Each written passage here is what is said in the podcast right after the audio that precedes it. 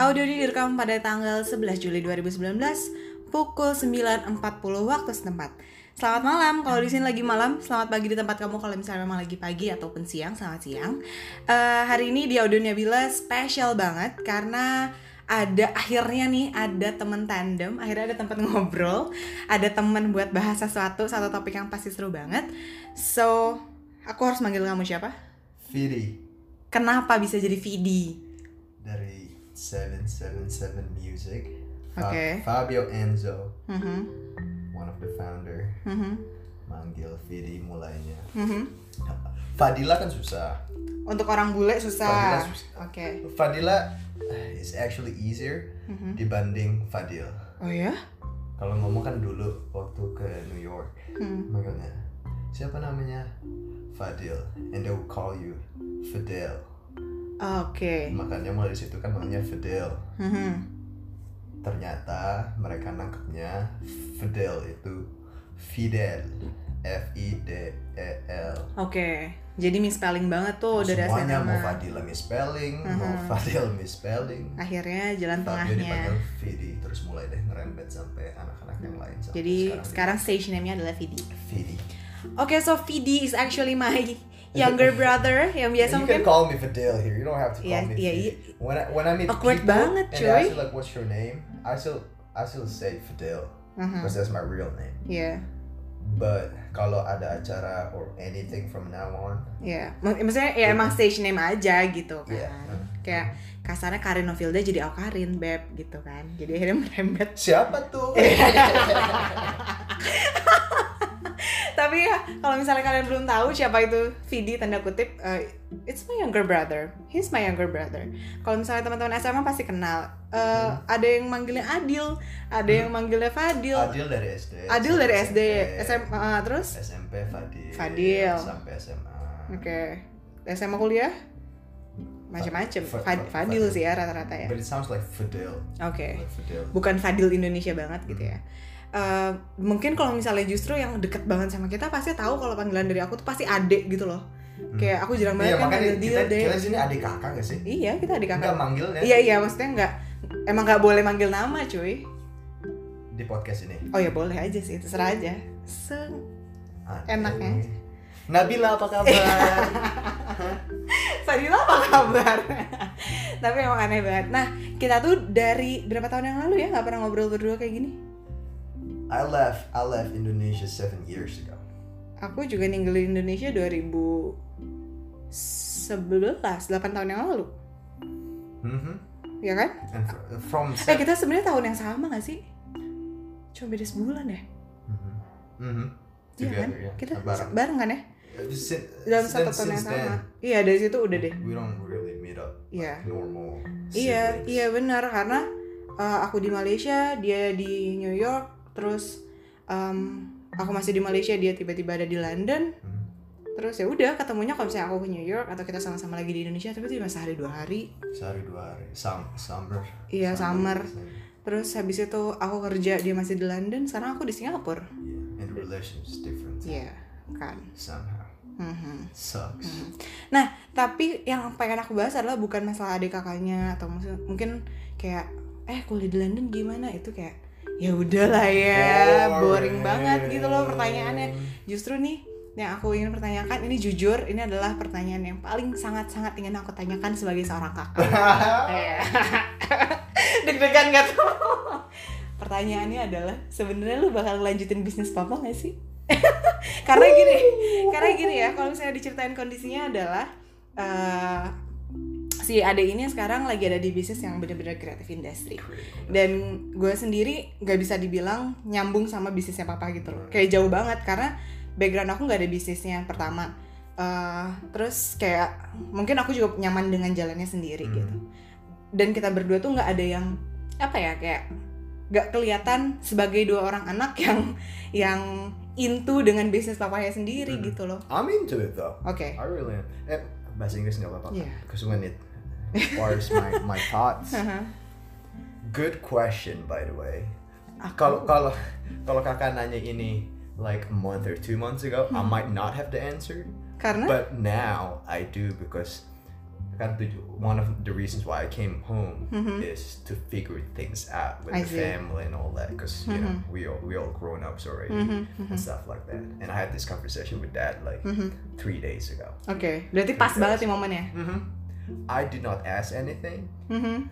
We didn't bring anything specific. Dan kita bukan tipe anak yang Enggak. minta nggak sih? Maksudnya No, we never ask anything. I Betul. don't like to ask. Not dan maksudnya kasarnya kita tuh nggak pernah yang itu dia dan nggak pernah yang eh pak hmm, boleh nggak sih kerja di kantor papa gitu No, no. kayak kita nggak pernah sama Bahkan, sekali ya bahkan uang pun orang tua yang sering nanya, udah butuh. Iya, And when we betul. ask, it's just even like a hundred thousand, two hundred thousand. I was like, oh man, malu ya that's a lot of money. Too, Iya. You know, like I don't, I don't like to ask. I'm. I'm sure you don't like to ask. Enggak. We're the same. Mhm. But we had that conversation, Mhm. or we didn't have that conversation. Mhm. He he had a conversation with another guy. oke Uh, salah satu orang yang kerja udah kita udah lama Om Irwan. Mhm. and we had a long conversation about the family that. Mhm, mhm. And somehow he mentioned this sentence ke Om Irwan, Mhm. but ya udahlah si Adil mah mau eh, gimana gimana juga terserah dia. oke Bapak mah nggak nggak apa nggak ngeharap. Ya pokoknya like it's it's all up to you. karena memang usaha It's yang dia bikin sekarang pun bisa dibilang kita nggak nggak di involve dari awal ngerti nggak sih No, maksudnya no, yeah. bukan yang kayak di sinetron-sinetron nama Iya. kita jadi apa atau Iya. misalnya udah misalnya papa udah kayak punya visi iya nih ntar perusahaannya Uh-huh. kita kasih ke kakak ini Mhm. kasih ke adik nggak at least sampai sekarang tidak ada pembicaraan itu gitu Right. kan And jadi to be honest, it was the first time that I actually heard that. hmm, jadi sebenarnya there is flexi- flexibility untuk lo menentukan lah This gitu is actually the first time I was like, oh wow, I actually got that flexibility. I thought I didn't have that. iya I kan thought I didn't, have, but I really am into it though. oke I really am Okay. into agriculture. I really am into sustainability right now. correct I really want to keep growing stuff and selling stuff just like he does. Mhm, mhm, You know, I think it's really sick and it's Mhm. really cool. mhm, mhm. Yeah. berarti jawabannya apa nih Here's the thing. At the end of the day, those things need to apa harus need to be passed ke seseorang. seseorang and that that person will be me. Yeah. Right. But I don't think he want to give me the whole those thing just like that. Yes. Oh, now it's your turn. correct It's more like I cannot do this anymore, Mhm. and then you're the one who need to take care of this. Mhm, You know what I'm saying? mhm, But he mhm. doesn't. Ex- you know. You know what I Iya mean, iya iya. right? iya. Jadi mungkin kalau misalnya bisa digambarin, again bukan kayak di sinetron-sinetron yang um, oke deh nih gue kasih semuanya ke lu ya blok gitu. Yeah, and and he, he never expect oh one day you will you know you have to Iya iya. iya. you will Mhm. but you don't have to Iya. but like you know it will be Mhm, passed on mhm, someone it mhm. will be me Mungkin juga bisa diartikan kalau ini jadi kesadaran kita aja nih. Jadi siapa nih Right, yang mau right. yang mau ngatur A But sampai Z-nya that's gitu the, kan. that's the most interesting part though as I said I thought I didn't have that flexibility Correct. Mhm. then I was like damn I need Ternyata. I need to get into this Yes. know, I was uh, probably like two and three years ago I was like I need to get into this Mhm. agriculture and stuff like that Mhm, so I, I tried to learn I tried to get into it now I am Hmm, oke. and I think it's really sick I see. I really love being at our greenhouse Hmm, ya. Nabila Farm I really love Iya, being kalau misalnya kalian mau datang ke our greenhouse, silakan datang di Lembang, amazing Cila. place, amazing place. Yeah. But I really love being in there. Mhm. You know, like how much I love Yes. to be in there now. Mhm, mhm. Just because like I started to get into it. Mhm, mhm, mhm. My question is, are you into it? Sebenarnya nih ya kalau misalnya dari my perspektif adalah lebih kayak eh, kita tuh nggak mau kayak di sinetron yang perebutan perusahaan ngerti gak sih lo? Yang Dasar. kayak iya dasar. Ya. Oh, apa sih? Papa tuh ini ya namanya pilih kasih ya perusahaannya dikasih ke adek enggak gitu. Jadi ya terus go with the flow aja. Maksudnya kalau misalnya ada sekarang lo yang intuit wah dengan bersyukur alhamdulillah gitu loh. Akhirnya ada yang melanjutkan dan I'll go with my own way gitu loh. Tapi we are collaborating anyway gitu loh. It's not a competition. Sure, bener sure, nggak sih? Maksudnya sure.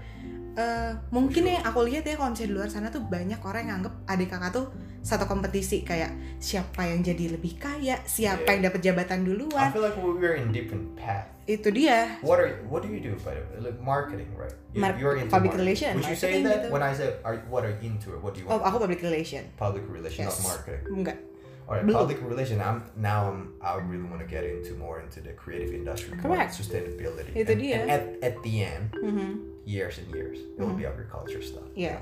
That's my plan. maksudnya So jadi we're, we're in different paths. iya maksudnya udah udah udah di jalur yang berbeda terus ya maksudnya ini bisa jadi kolaborasi yang seru aja gitu loh daripada kita harus compete untuk tanda kutip mendapatkan posisi yang sama ngerti gak sih lo kayak itu bayangin aja zaman dulu now banget. you and me compete to get those iya kayak hell no gak banget deh sih kayak atau at least mungkin itu pemikiran kita sekarang ya. We never know lima tahun ke depan.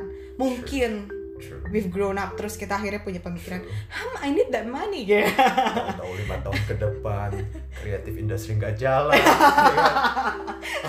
public relation agency gitu-gitu aja ya kan? Mulai stuck nih kita nih. bayar payuda kiri kanan saku kosong ya kan? ATM nggak nambah-nambah nolnya. Ya. Apa? Mungkin shortcutnya? Masuk kopi dimasukin apa? Waduh berat banget. Tapi ya maksudnya makanya itu at least itu yang kita pikirin sekarang gitu loh. Dan maksudnya ya emang maksudnya tipe keluarga kita nggak yang yang yang yang gitu banget. Maksudnya mama papa juga bukan orang yang kayak ya ini pokoknya bisnis ini buat anak ini bisnis No, ini no, buat no, anak no. ini.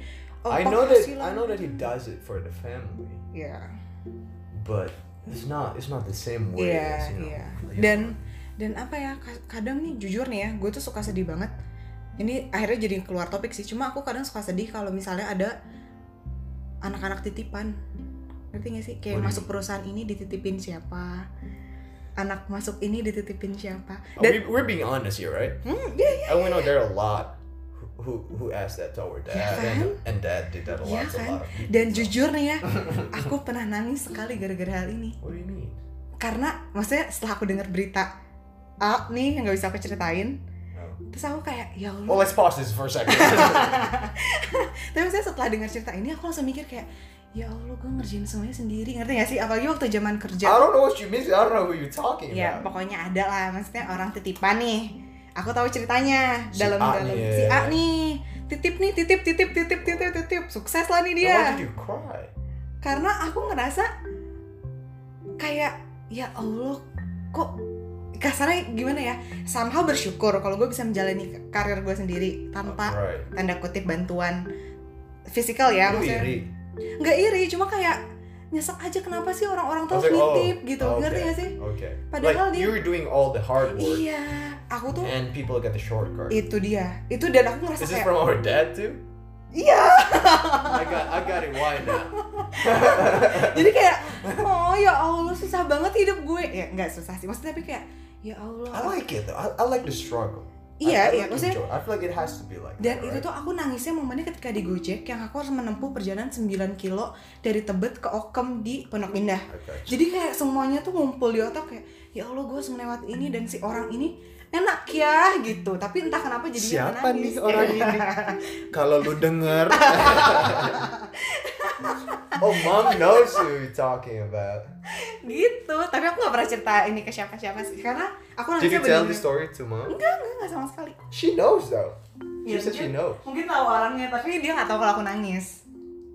Tapi aku bener-bener seterpukul itu bukan seterpukul sih se shock itu kayak ya Allah hidup orang enak banget gitu. Sedangkan gue Emang, kayak gini. emang dari Tebet ke Okam di Pondok Indah tuh berat?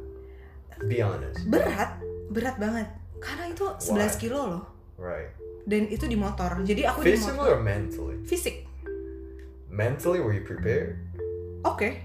Like you were like sure this is this is how it Iya, is. iya. This is the struggle. Sebenarnya selama mental aku tuh emang kayak gak mungkin. Aku yakin kalau semua yang shortcut itu pasti berhentinya short cepat juga gitu loh. Don't think that we're getting the shortcut. Itu dia. We're going the struggles. Itu dia. Maksudnya kasarnya nih sombong-sombongnya nih kalau misalnya dikasih shortcut lu udah jadi apa sekarang? We can if we want. Gitu maksudnya gak bakal kirim CV via LinkedIn Tapi cuy. enggak lah. Itu dia I tapi don't want that. I don't Nggak ada cerita yang bisa dikasih tahu anak itu dia. Makanya maksudnya it's a very interesting story. Alright. kehujanannya di Right. Gojek apa Right. segala macam. Right. cuma at that moment malamnya aku diceritain paginya tuh kayak Astagfirullah gitu. Harusnya gue bisa ngambil shortcut aja gitu. Udah di Gojek HP dan ah kayak, kesel sendiri cuma end up nangis. Itulah maksudnya apa ya kayak sedih-sedihnya. Right. Maksudnya ya, tapi ya bersyukur lah maksudnya kita jadi anak tahu diri gak sih? Iya, Selalu bersyukur selalu bersyukur. Kita Betul. apa yang kita terima kita bersyukur Edan. Dengan siapa kita sekarang kita Baik, Bu Pak Ustadz. Halo tapi ini balik lagi ke masalah karir. Kalau misalnya lo emang mau um, deep into perusahaan papa atau bisnis papa, gak bisa bilang perusahaan sih ya. Kita Hmm. bilangnya bisnis aja, bisnisnya Right. papa gitu. Hmm. Karir lo yang sekarang mau dikemanain dengan No. Boy Pablo dan segala I got this macamnya? I got this plan uh, gua gua ya gua gua ya Yeah. gua udah punya emang udah I might do I might be doing stupid stuff and bad stuff as you know. I've done those stuff before Mhm, you know in my mhm, life. mhm. but I always have that plan ready in my head. Oke. dan gua mikir gua mau di creative industry and I think it's fun. Creative industry is really fun. Mhm, mhm. right. And I like to be creative. I, feel- I like I like to um apa? Think out of the box lah ya think gitu out of the box, see things from different perspective. Um, ide gua sendiri, put it into practice. Yeah. But I feel like I'm not that guy who's good di lapangan. okay I always need someone's help betul. to make that happen. okay But at the end of the day, gua sering uh, ah, fuck. I'm sorry, my English is bad. Like I like to be creative. Anda kasar di podcast saya ya. I'm sorry. I like I like I like to be creative, and I like to generate those ideas, and I feel like the creative industry allows me to do that. Mhm, mhm. But that's the where I get the att- attention. Okay. Mhm. You know, I get the attention from that industry. Mhm. But you'll never know how it will turn out in the creative industry. You don't know how much you'll get. You know, Mm-hmm. Betul. there's a lot of risks. Nah, a lot. itu- it's up and down. Itu, no, but betul, betul, betul, betul, betul, and betul, and you need this um i call it my money machine the Betul. engine to keep my life support, running to keep this Yeah. sport running betul. And these are the bi- these are the hidden businesses Mhm, mhm, that don't get the attention mhm, mhm. and dan itu ku- emang suka gue as I said I'm into agriculture Yeah, and stuff yeah, like that. and, yeah. and that's the money machine Oke. and you know I, I'm gonna keep that circle going you know Okay. that that that system Oke. at least that's my plan Yes. and Yes. now untuk sekarang gue pengennya into that creative industry Mhm, first mhm. get my exposures you know and use that later on to build that agricultural Yeah. legacy that I want to build Okay. later on Mhm. and then you know hopefully everything will work so Mhm. both cannot help out each other Mhm. that's what I want that's what Tapi menarik sih, maksudnya eh, dari pas pertama kita bilang, oke kita bikin podcast, terus kan Mhm. ada sempat bilang kayak, eh tapi kita ngomongin kreatif industri yuk gitu kan. right Sempat sempat ya, kita apa lupa misalnya, Hah? Lupa Iya lu sempat nge-touch itu Right, yeah. sedikit. Terus tiba-tiba aku kepikiran untuk bahas ini. Tapi untungnya we are on the same line ya. Mhm. Kalau menurut gue sendiri kreatif industri itu nggak bisa dianggap sebagai money maker. Ini my own perspektif yang nggak pernah masuk kreatif industri ya. Mhm. Oke, let me explain kenapa. Eh, mungkin spirit yang ada di diri gue adalah spirit indie. hold on pause time out Yes. When someone says indie when Yeah. someone says hipsters Mhm. please elaborate Okay. jelasin lebih jauh Nah, jadi waktu SMA Because to be honest, I'm not into those words. I was yeah, like, yeah, why do yeah. people use that? I don't Nah, know. waktu SMA ini eh, waktu SMA nih ya. Jadi gue tuh bikin makalah di saat tugas akhir kan kita disuruh bikin makalah nih waktu SMA di pribadi. Hmm. Di saat orang-orang ngebahas limbah apa segala macam. You know topik gue untuk makalah apa? No, Perkembangan indie di Indonesia. Karena memang menurut aku gerakan indie tanda kutip itu sangat menarik. Gimana banyak orang-orang yang rely on this movement, aku bilang movement ya ini, Mhm. untuk menghidupi hidup mereka gitu loh. Okay. Nah, somehow indie menurut gue sendiri adalah di saat sebenarnya lo nggak rely ke siapa-siapa. Hmm. You have you have your own path untuk menjalani Hmm. karya lo Hmm. atau apa pun yang lo yakini gitu tanpa rely ke something big Hmm. yang sebenarnya bisa sup- support lo dari segala hal apa pun ya. Yeah. At least itu yang aku mengerti. Nah, dan menurut aku banyak orang-orang yang di kreatif industri dengan segala pemahamannya dengan Mhm. dengan apa ya apa pun definisi yang lo punya tentang kreatif industri itu sendiri Mhm. mereka bergerak dengan cara mereka sendiri which is sebenarnya mereka apply that kind of feeling di movementnya indie Hmm. mereka bergerak sendiri gitu loh Hmm. nah tapi nggak bisa dipungkiri juga ketika lo ada di kreatif industri dan ketika lo punya pemikiran kalau gue pengen menjalani ini sendiri gue nggak butuh uh, sponsor gue nggak butuh uh, support dari label A label B That's the indie that brand A yes about. yes Okay. brand A brand B gue nggak butuh gue pengen jalanin ini sendiri karena gue punya idealisme idealisme gue sendiri gue Hmm. punya cara pemikiran gue tentang karya gue sendiri Mhm.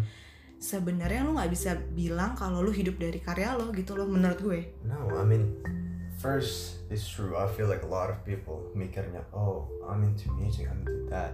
Makanya it's not necessary I have to make money. nah But hold on, you got bills that you need to Itu pay. dia. You got electricity. Itu you got dia. that, that, and that, and that. nah itu dia makanya menurut aku kita bilang orang Bandung itu sangat kreatif tapi kenapa mereka nggak punya exposure itu di luar karena menurut gue nih ya satu deh kekurangan orang Bandung bisnis mindsetnya nggak ada itu doang I spent I spent the last seven days meeting up people for my event and stuff like that, and that's what I've been talking about. ya kan Tujuan the event 1907 19 live Okay. at Sakala. oke 19 eh tapi nggak bisa datang juga sih ya mereka kalau dengerin know, it's, it's invitations Iya, only. betul. Tapi acara gua, I want to show people that my hands are not dirty. Dalam Mhm. bahasa gua nggak nggak turun ke lapangan turun ke langsung lapangan. bikin lagu But bikin I apa put things and people together. betul Because what I'm what I want to say is kalau kita satu, I put the media, I put the artists, I put the venue together. You know, I put the sound, the everything together. big gitu. At the end of the day, I can create the impact and the influence that I want. Mhm. Hopefully, if everything Mhm, goes mhm. well. But that's what I want to say. Mhm. You know, we should collab. And when I step into I don't want to say the scene or whatever. When I step in waktu gua ke Bandung and Mhm. want to do my solo project and all Mhm, that, mhm. and that's what I see. I see a lot of great medias.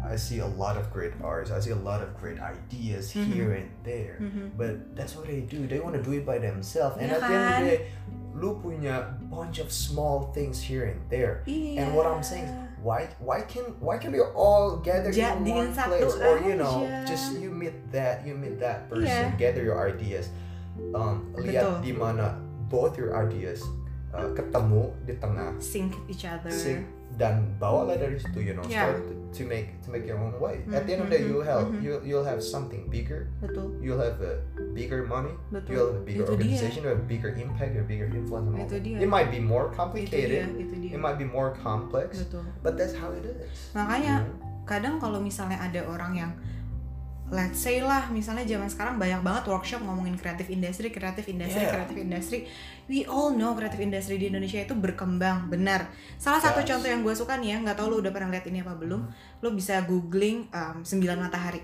mereka orang Bandung Mhm. Tapi yang gue suka dari mereka adalah mereka hidup dari karya mereka dengan bisnis mindsetnya mereka mereka ngapain sembilan mereka tuh art installation Uh, art I needed art installation I was looking everywhere Yes, eh, banyak sebenarnya di Bandung yang bisa aku kasih nama nanti. Waktu itu soalnya aku kerja sama brand rokok kan, dan kita bikin satu event art installation Dasar ini. perokok Nggak perokok dong saya pak. Heeh. Jadi si eh, brand rokok ini ngumpulin artis-artis, artis-artis ya, bukan artis, artis. Ya gimana sih? Ya bukan artis, Artis, ya, ya. tapi memang bener-bener seniman lokal untuk bikin saat em, pagelaran lah Hmm. bisa dibilang art installation terbesar saat Di- itu di Jakarta. Hmm.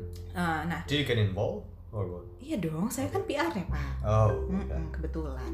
Nah tahun ini ada lagi nih nanti stay tune aja dari brand mereka kapan kapannya. tell them to collaborate with me, please. House.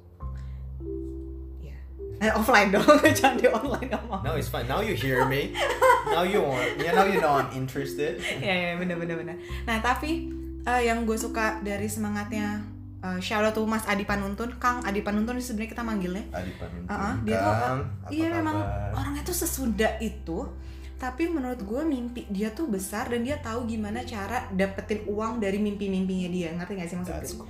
eh, art installationnya dia adalah berhubungan sama proyektor. Lu tau kan proyektor-proyektor di kelas-kelas tuh? Iya. Dia gabungin tapi jadi air hujan yang gitu-gitu lah. Jadi dia tuh menurut Hah? iya. Jadi nih misalnya bikin proyektor jadi air hujan. jadi ya nggak bisa Dukun. bukan Kamera dukun. enggak maksudnya jadi satu ruangan nih dia tuh taruh apa kapas-kapas lah di langitnya apa segala macam sama pakai Ini pesugihan tali ya? kasur enggak Orang Garut dia. orang Cimahi tadi. Yang bener dong Orang ngomong Cimahi tahu kalau nggak salah enggak tapi maksudnya si proyektor itu ditembak dari segala arah Hmm. nanti kita tuh yang nonton jadi kelihatan kayak ada Lo yang nonton hilang. Tetes, aduh. ah serius Serius, serius dong. Ma adanya nggak serius ma adanya diajak bikin podcast nggak serius ma Adik, nggak boleh gitu nah. cubit ma masa lagi diceritain malah gitu mah tapi lanjut lagi nih ya. Jadi intinya gitulah nggak usah diceritain lah cari aja googling sendiri. Tapi intinya kenapa? Pokoknya itu. ya pokoknya gitu. Nah hebatnya dia adalah dia bisa bawa si awannya ini ya yang jadi ikonik banget sekarang. Hmm. itu sampai Jepang sampai mana-mana mana bukan sekedar pameran-pameran Hmm. tapi dia collab si awan itu sama brand-brand macam-macam. Salah satunya brand kosmetik Korea apa Jepang kalau nggak salah. Dan ditaruh di store-nya. Oh, wow. jadi jadi art installation untuk opening store-nya si perusahaan ini dia dapat duit dari situ gitu Hmm. loh dan akhirnya dia bisa hidup dari situ Jadi internasional sekarang. jadi internasional tapi dia tuh ya hebatnya pas aku ngobrol sama dia tuh dia selalu ngerasa dia somehow tanda kutip dia tuh cuma mau memperkerjakan orang Bandung aja nggak nggak bisa bilang aja sih tapi dia akan memfokuskan bisnis dia ini untuk mempergerakkan orang Bandung My God, I respect. keren banget ya I sih like that. jadi kayak menurut Bandung gue pride, baby. itu dia jadi pertama dia bawa Bandung ke mana-mana karena waktu itu kita tour media di. Jakarta Yes. Eh, terus dengan aksen Sundanya dia yang kental banget kalau misalnya lagi preskon gitu Mhm. campur bahasa Sunda pula kalau ngomong Mhm. Belum lagi dia itu dia punya bisnis mindset yang gimana caranya dia bisa hidup dari situ gitu loh That's cool. ya gak sih That's cool. keren banget gak sih Kamu siapa namanya? Adi Panuntun Adi Panuntun. keren banget kan ntar di googling You ya. got my respect, Kang. iya kan maksud gue ya silakan hidup dari kreatif industri tapi ngomongin kreatif industri pandangan lo tentang kreatif industri di Indonesia, Indonesia. saat ini gimana sebenarnya apa sih definisi kreatif industri Interesting. I learned this. So, belajar di mana pak uh, London. oh oke Two years ago. Mhm. If I'm not mistaken, Mm-hmm. someone correct me if I'm wrong, but from what I knew, what I Mhm, learned in mhm. London, uh, the UK waktu itu adalah negara pertama that actually defines what creative industry is. Oke, jadi emang bener-bener in di a way that they ya. they categorize Yep. what is included in the Mhm. creative industry. Publishing is included, Oke, advertising is included, Okay. film and movies included, Yes, for sure. art and music, of course. Mhm, You know, it's actually massive. mhm, Creative industry is actually massive. mhm, They don't really come up with the definition, mhm. but they but they include. You know, they came up with what is included. Oh, jadi dikategorize lah Mhm, ya. Apa sih yang dimaksud? Maksudnya industri-industri apa Yeah. yang sebenarnya? it actually creative industry. Okay, But okay. at the end of the day, creative industry is you know something that requires mhm. human input Okay. and copyright Oh, oke. as the output. Okay. You know, And public co- relation ya itu. copyright. Yeah, copyright is anything. Mm. Something that come out is is yours. Yeah. You know what I'm saying? And and underneath the copyright there are a lot, betul, but that's basically it. betul. That's why the most important thing in the creative industry, in my opinion, Sebenarnya. is your copyright. Yeah. That's your money right there. How you make the money is all up to you. How you you know you exploit that copyright of Yeah, yours. yeah. The more you make, the pro, the more you protect your copyright, Mhm, and the more you mhm. expose that, the more money you can make. Hopefully, you know. betul. But that, that's basically it. In the the by simple yeah, Okay. creative industry. For in my eyes and from what I learned, Yeah. that's what it is. Hmm. Terus kalau di Indonesia kayak gimana nih sekarang industrinya sendiri? And Indonesia, bagus is really it, it fast. Fat. It grows really fast. Mhm, mhm. But yeah, that's what I said.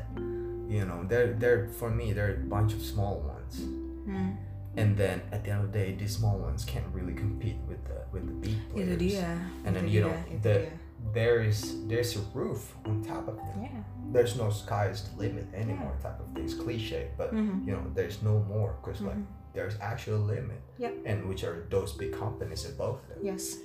And this this small ideas just don't gather and don't collaborate. Iya, Jadi iya. kan mereka kecil sana kecil sini kecil sana kecil sini, and at the end of the day they just can't compete. Mhm. And that's what I feel, Mhm. and I feel like it, they just need collaborate more, Atau you know, and mungkin- step in in the Betul, mainstream betul. market there. Tapi mungkin atau nih, mungkin kalau misalnya kita jadi perspektif sebagai yang yang turun langsung di lapangan mungkin ya, aku juga Mhm. nggak tahu sih.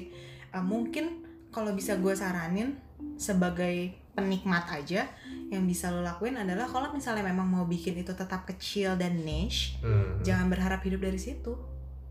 Yeah, but at the end of the day you gotta Iya sih? live though. Iya, You gotta iya, pay maksudnya your bills as I said. harus harus kasarnya nih misalnya lu tetap kerja di bank tapi hid, tetap karena menurut gue nih ya menurut gue sendiri karya itu menghidupi soulnya bukan menghidupi perut gitu kadang menurut I gue mean it's up to you it's, it's your ideology Iya, Kan iya. lo mau emang di kreatif industri ya, lo mau bikin musik Sehidup misalnya hidup, iya. emang sekedar senang-senang Iya, atau emang iya. you think bad music should not make money which is weird you know Yeah. if you think like I'm Yeah, sorry yeah, I'm bener. sorry if someone thinks like Yeah, that yeah, but betul, for me bener, bener. I was like how you know Misalnya by logic human aja Iya. pasti kalau kalau lu punya lah, kerja gitu. apa lu kerja oh gue bikin bikin Musik. film misalnya Heeh, heeh, film lu mau uh, punya duit nggak dari Islam enggak gue mah cuma mau film buat senang-senang doang. And like you know and how do you tapi nggak bisa dipungkiri emang ada orang di luar sana kayak gitu ya? Yeah, that's why like don't Yeah. get offended. It's Yeah, just yeah. how I think. Betul, you betul, know, and betul. everyone thinks Yes, differently. That's what I yes. really did. Mhm. You know. Tapi menurut lo, lo sebagai penikmat, Hmm. how do you see the creative industry right now? kalau misalnya tadi kita mengelompokkan nah again ya menurut aku terlalu banyak orang yang menggembor-gemborkan hey hey sini hidup di kreatif industri apalagi pemerintah jujur aja really? Iya, karena Iya, banyak iya. workshop di luaran sana yang bilang ehm, ya entrepreneurs di kreatif industri kayak menurut aku sendiri itu itu dua hal yang berbeda dan lo harus tahu how to sync it gitu loh Yeah. nggak menurut gue jarang banget ya orang kayak Mas Adipan Kang Adipan Nuntun Hmm. yang punya keduanya secara seimbang gitu loh Hmm. dari creative side dia memang otaknya jalan banget tapi dia juga tahu how to make money gitu loh Yeah, that Jadi- business mindset is really important. itu dia jadi menurut aku nggak bisa nggak dua-duanya digembor-gemborkan secara secara begitu aja Hmm. apalagi ke mahasiswa nih yang masih Yeah. bingung nih aduh gue mau jadi apa nih tahun depan gue kerja apa nih terus tiba-tiba pemerintah datang dengan cerita harapan hey kenapa nggak hidup dari industri kreatif aja karena kita support kreatif Indonesia. Hmm. nggak bisa kayak gitu emang harus harus di apa ya kayak harus dijelasin juga. Kreatif industri itu lo harus ngapain? Lo bisa jadi apa? itu dia. What's the business model? betul gitu. Terus kayak misalnya kayak aku yang nggak bisa turun tangan ke kreatifnya karena gue nggak bisa gambar gue nggak bisa musik gue nggak bisa nyanyi gue nggak bisa apa kalau gue pengen terjun ke sana gue harus jadi apa? Pertanyaan kan itu. Ngerti gak sih Mhm. kalau misalnya gue dokter tapi gue ada interest ke kreatif industri gue bisa apa gitu loh menurut gue pertanyaan-pertanyaan yang itu yang nggak dijawab oleh banyak workshop di luaran sana yang Hmm. mungkin harus ada wadahnya untuk orang ngejelasin hey kreatif industri itu nggak semacam nggak sebatas, Nggak sebatas lu musik, bisa gambar film, ya gambar. lu bisa gambar It's lu jadi itu there's- dia maksudnya banyak industri yang I think that requires human input and you can create copyrights Yes. out of it. Itu That's dia. how I see it. itu dia maksudnya Period. iya ya Or not period, but you know, the simple way. Iya, dan menurut gue harus dari SMP SMA orang harus dibukakan matanya kalau hidup tuh You're a radio announcer. Betul, You're for berapa lama?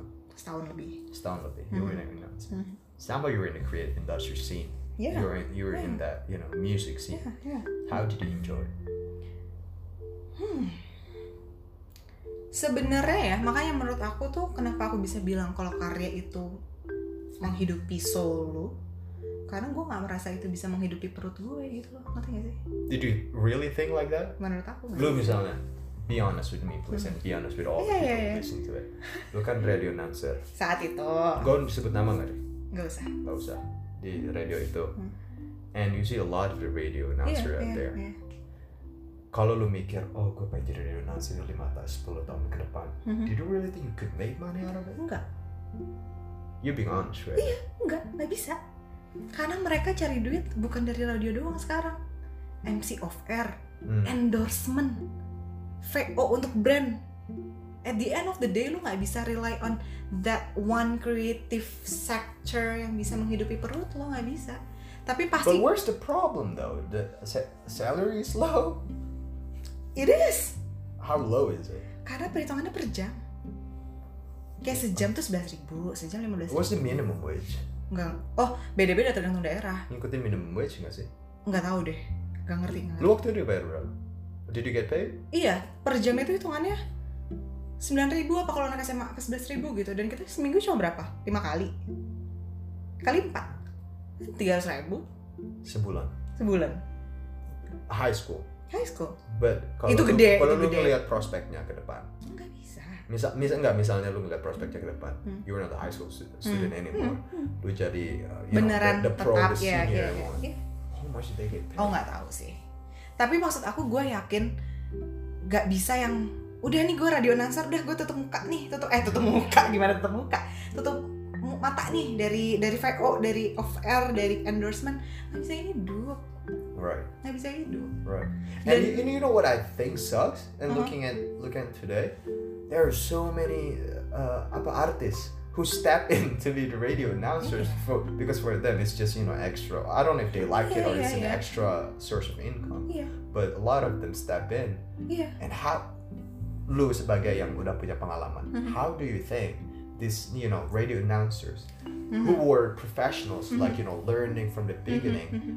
Could compete sama Desta. I'm saying names right now, Yeah, yeah, Desta yeah. and all the big names. karena I feel like, to be honest, I don't think it's fair. But of course, nobody could say no. betul You betul know, betul it's a it's a really open betul betul market. karena menurut gue nih ya ra- dunia radio itu ketika lo udah terjun untuk orang yang beneran suka gak bakal lepas dari situ karena itu emang nyaman lo bisa ngobrol sendiri pokoknya banyak feel yang gak bisa didapetin dari kerjaan lain termasuk MC biasa But that sucks untuk yang benar-benar belajar like you. You know, you betul. step in the art. Oh, Betul. I mentioned name from the school, right? ya, ya betul But you betul. know, you step in and go all the way up But- until you you get your your hours and stuff But- like that. You eh, know? mas, ma- eh itu dia maksudnya eh kayak yang tadi lo bilang ketika sekarang proses lo sekarang sedang mencari exposure menurut gue orang-orang di radio pun itu adalah tempat mereka untuk mendapatkan exposure Okay. tempat mereka untuk bisa dapat kenal brand dan akhirnya mereka jadi MC Okay, untuk semua right. acara brand tersebut Yeah, di right, Bandung right, right. misalnya I got it, I got it. Iya gak sih? yeah, yeah. Kayak misalnya nih, satu penyiar Hmm. dapat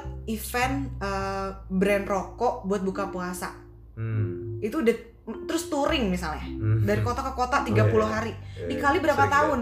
Hmm. Ya kaya sebenarnya. Tapi kan bukan dari radionya doang gitu loh. So basically, being a radio announcer, not only that you learn and you you like it, of course, Mhm. right? Iya, but pasti, it pasti, also pasti. opens up the opportunities for you to step in more into that that scene. Betul. That's basically it, Betul. yeah. Dan I think that what we are trying to say, kalau misalnya you are in the creative industry, jangan tutup semua opportunity yang ada gak sih? Absolutely. Yeah. I'm, I mean, for me, when I want to start something, I one of my priorities was that I don't. Yeah, gua coba se you know sekeras mungkin Mhm. to not limit myself. Yeah. You know, with branding, with all the thing that you create, Mhm, you mhm. can't limit yourself. Betul, you know, betul. with especially with your personal branding. Oh, I want to look like this. Oh, I don't want to say this. I don't want to say that. But Mhm, at the end of the day, you actually like you know limit yourself Yeah, to be creative Iya. and I'm I really want to be careful in terms Yeah, of that. yeah. You know. Yeah. It's interesting though. Right? Creative Gitu industry. loh. Dan mungkin kalau misalnya ngebahas kreatif industri kita nggak bisa lihat dari satu titik aja nggak sih maksudnya? Makanya dari tadi di awal aku nanya apa sih kreatif industri gitu loh karena I'm new. iya dan dan Real, iya. pasti orang-orang di luar sana banyak yang nggak tahu sebenarnya. Banyak orang yang maybe the one who ada orang yang dengar ini Uh-uh. and you're more experienced than I am, you know. please but- ya nggak sih share ke kita maksudnya apa sih definisi lo tentang kreatif industri like how do you I mean dan I'm gimana new, lo I'm bisa hidup di learning. sana? I'm Iya. still We are still learning. everyone is. So- tapi benar sih. Ya maksudnya itu sih begitu. But why don't you step in the creative industry though? I am in public relation kalau Right, misalnya right, tadi right. I di mean, dikategorikan makanya kan kalau misalnya dikategorikan sebagai apa yang berhubungan dengan copyright adalah creative industry then we are Would you ever open. continue to be a radio announcer? nah itu dia gue tuh pengen menetapkan gue sudah menetapkan tepatnya apa pun yang berhubungan berhubungan dengan radio announcing podcasting uh, let's say I'm continuing my, my own YouTube atau apalah itu yang berhubungan dengan hobi gue ini it's just hobby But you, yeah, but you we like are it, love love to do this Okay, yeah because I'm love to do this If you get an offer right now, Yeah. oh, someone listen to this podcast, Yes. and suddenly he's the owner of one of the biggest radio Yeah. radio stations in Yeah. Indonesia. Would you, ca- Nah you sebenarnya Lu ambil gak? aku pernah dapat pretty much the same kind of opportunity, Lu Tapi- gak ambil dong? tapi nggak ambil karena waktu lagi kerja kan. Jadi sempat kayak logikanya ya kerja dari jam 10 sampai jam 4, jam 6 sampai jam 12 siaran. Pak Hmm. mau mati gitu. Hmm. Jadi nah tapi nih misalnya misalnya banget gue udah nikah gue udah punya anak gue settle down eh, suami gue kaya raya apa segala macam gue nggak ngapa-ngapain misalnya tiba-tiba Enak banget hidup lo. ibu kita nah terus tiba-tiba ada yang nawarin eh mau nggak siaran di radio ibu-ibu nah mungkin aku bisa ngambil sih kesempatan itu you have a good voice though. You really do. You really, really do Yeah, have a good yeah. voice. I listen your pod. I did not know that you have a podcast since what two weeks karena ago. itu yang pun ini kayak jadi podcast kedua tapi aku pernah bahas ini di podcastku kalau aku ada ketakutan untuk tidak disukai Of course, everyone thinks. Of course, I Itu do dia. think like that. When I Itu when dia. I'm starting this event, itu dia it up. dan itu yang gede banget makanya makanya nggak nggak pernah aku share yang secara widely massively kayak weh gue punya podcast share dong kan banyak loh yang gitu kan eh share dong di story lu kan gue gak pernah bilang gitu kan karena gue sendiri Lu malu minta kemarin nggak dong? Enggak. tapi karena gue malu gitu right, but you really have a good Gitu. voice. You really do have a good. jadi harus like di share ya I- no, but I listen to you know it's just really soothing. I mean, you had that you have that basic and you know you have that voice. My question is, do I have that voice? nggak tahu kita dengerin habis ini This is my first time speaking. Yeah. I mean, I will be having. oh iya yang waktu itu um, kemarin apa tuh I'll be having a bunch of um, podcast recordings this month. apa tuh apa aja kalau misalnya bisa di share Later, I want to surprise all the time. oh, oke I, I never want to say thing before it's ready, before it's actually done. oke I just want to keep it later. oh ya udah But this is my first time. This is the first recording of the month. Mhm. The next one is next week. Hmm. No, 21st, I think, in Mhm. Jakarta Mhm. or in Bandung. I don't know. Mhm. But like, eh bilang ya kalau misalnya pembawa acara yang gak asik ganti sama aku aja yeah. but yeah, this is my first time, so I don't know how I sound like. aku juga nggak tahu Enak gak ya seru? harusnya sih enak-enak aja kali ya selama Do you think so? orang Nikta Gina aja yang suaranya banyak orang yang bilang cempreng tapi begitu di radio But is it aja. important to have a good voice? Do you think? Em, enggak you don't think so? enggak Why? karena sebenarnya suara itu bisa diolah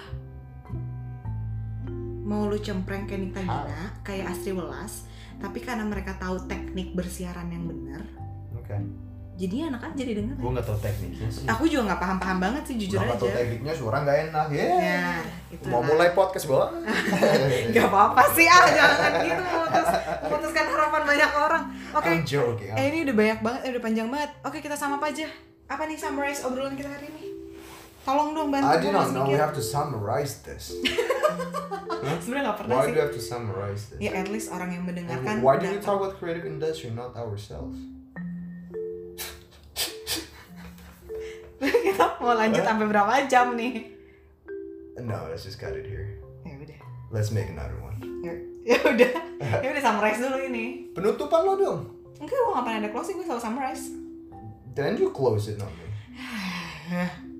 ya udah mungkin kalau misalnya bisa- bisa di summarize dari obrolan kita adalah apa ya banyak banget sih ya tadi mulai dari um, satu bersyukur dua open to all opportunity kalau memang opportunity lo dari keluarga lo yang memang sudah kaya raya alhamdulillah silahkan dimanfaatkan kalau misalnya opportunity lo memang harus nitip-nitip ke orang silahkan mungkin itu jalan opportunity-nya tapi at least kami berdua sebagai anak bapak Wahyu dan ibu Deka memilih untuk tidak lewat jalur Basically, all I want, I always want to say that you know what you do you. You Yeah, do you. yeah. Everyone thinks different. Betul, Everyone betul, do different betul. things. I never wanna. Uh, why do you do this? Betul, Why do you do that? You know, betul. you do you. Iya, You know, makanya like lu kakak gue sendiri. You know, you do. You say things what you wanna say. I say Yeah. things. I do things my own way. You do Yeah. things my own way. You know how you wanna Yeah. be successful. How you wanna get in there. Betul. Whatever. makanya All I wanna tadi say is you know you do you. ya makanya setelah kita ngomongin tadi opportunity dan memang masih buka opportunity setelah gue pikir-pikir mungkin ya that's their opportunity dengan cara menitip I mean, everyone's different. Wasn't Yeah. born in different way. So like you know, we can't really say oh Yeah. that's wrong. mungkin kalau misalnya untuk bener-bener mengakhiri nih ya gue bisa bilang adalah kalau misalnya udah nitip kalau Gue juga memang ngomongnya gitu sih. I don't wanna know. Change enggak, it. enggak enggak enggak kalau misalnya memang memang memang udah lu udah di jalur titip-titip Hmm. prove it buktiin kalau lu memang qualified dengan untuk posisi itu Podcast lu biasanya berapa lama sih? 10 menit And this one's almost an hour. iya So we cut it right here. Bye bye.